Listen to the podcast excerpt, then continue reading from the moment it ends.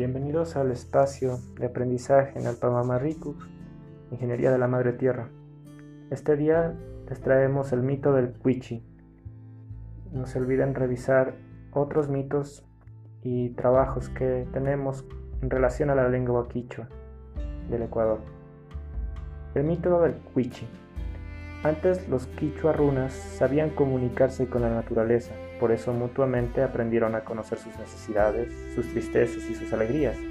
En esos tiempos había muy pocos caminos, porque los valles, las montañas, las laderas de los ríos estaban nutridos de vegetación.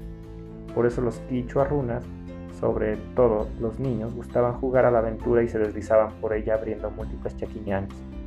Un día un grupo de niños, Yanay, Yanandi, Anaiti, Akaiki, Amayu, Apazunga, Imiwami, Iniragua, decidieron llegar a la cima de los nevados de Chimborazo, Cotopaxi, Imbabura, Cayambi, Sangay.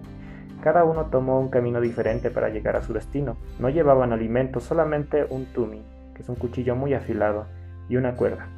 En el trayecto se alimentaban de los frutos, hojas y raíces que encontraban. Su sed la complacían bebiendo el agua de los riachuelos o cortando algunos bejucos que en su interior guardaban el líquido ansiado. Los niños a menudo imitaban el sonido de los animales, el murmullo de la naturaleza, para cazar algún ave o animal y así alimentarse.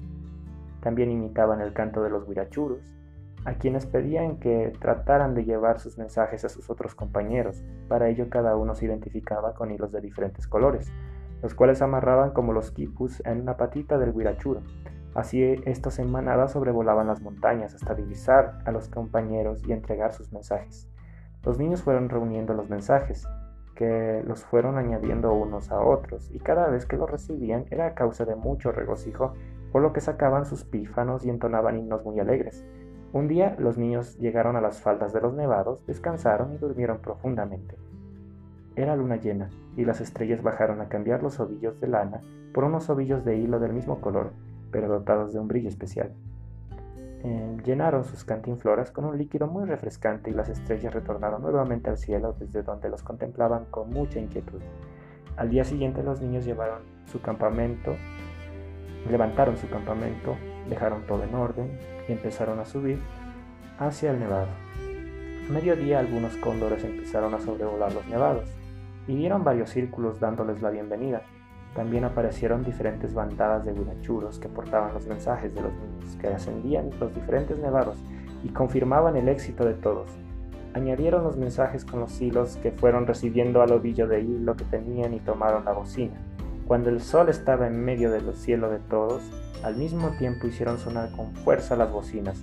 El sonido se extendió por todas las regiones y parecía que se unía con el sonido de los demás.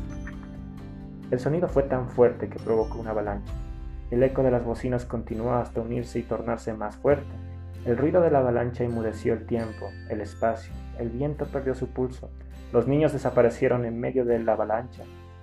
Enmudecido el tiempo, el espacio, el viento paralizado, el sol brillaba con intensidad como tratando de infiltrar sus rayos en el fondo de la nieve y rescatar a los niños.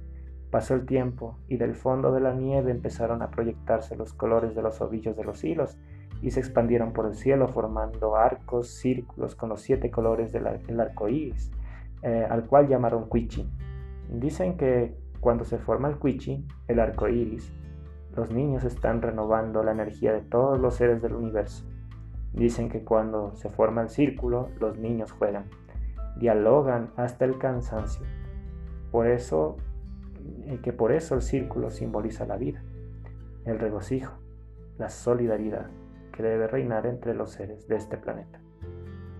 Muchas gracias por tu atención y pues eres bienvenido a nuestros espacios de aprendizaje de Quichua.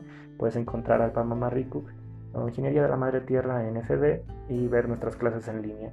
Adicionalmente tenemos una página web www.ingenieriadelamadretierra.com y puedes encontrar más información acerca de nuestro espacio de aprendizaje de Quichua.